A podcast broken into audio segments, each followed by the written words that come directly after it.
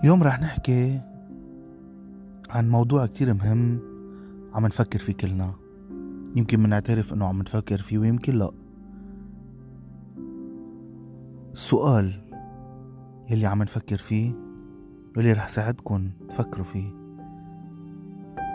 وين الله بزمن الكورونا؟ وين الله بزمن عم يموت فيه الملايين الآلاف الميات؟ بيات أمات أطفال ست وجد. وين الله؟ فكرت كتير بالموضوع. وأعطيته وقت بيستاهل. وانتبهت إنه كل ما فكر بالموضوع كل ما الجواب عم بيصير مبهم أكتر وأكتر. لأنه الله منه نظرية. الله منه فكرة. الله حقيقة. الله متجسد بعده من ألفين سنة لحديت اليوم بعده الله متجسد. كيف؟ الله بزمن الكورونا منه إله قاعد بالسما عم يتفرج علينا عم نموت ويستقبل يستقبل أرواح بالسما. الله بإيد كل طبيب كل طبيب عم بحكم من قلبه عم بيقدم حاله وتضحياته.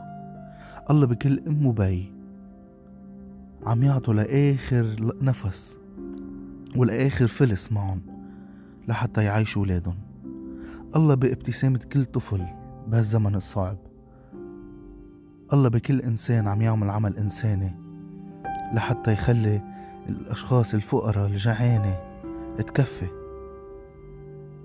الله منه بعيد. الله حدنا ومعنا.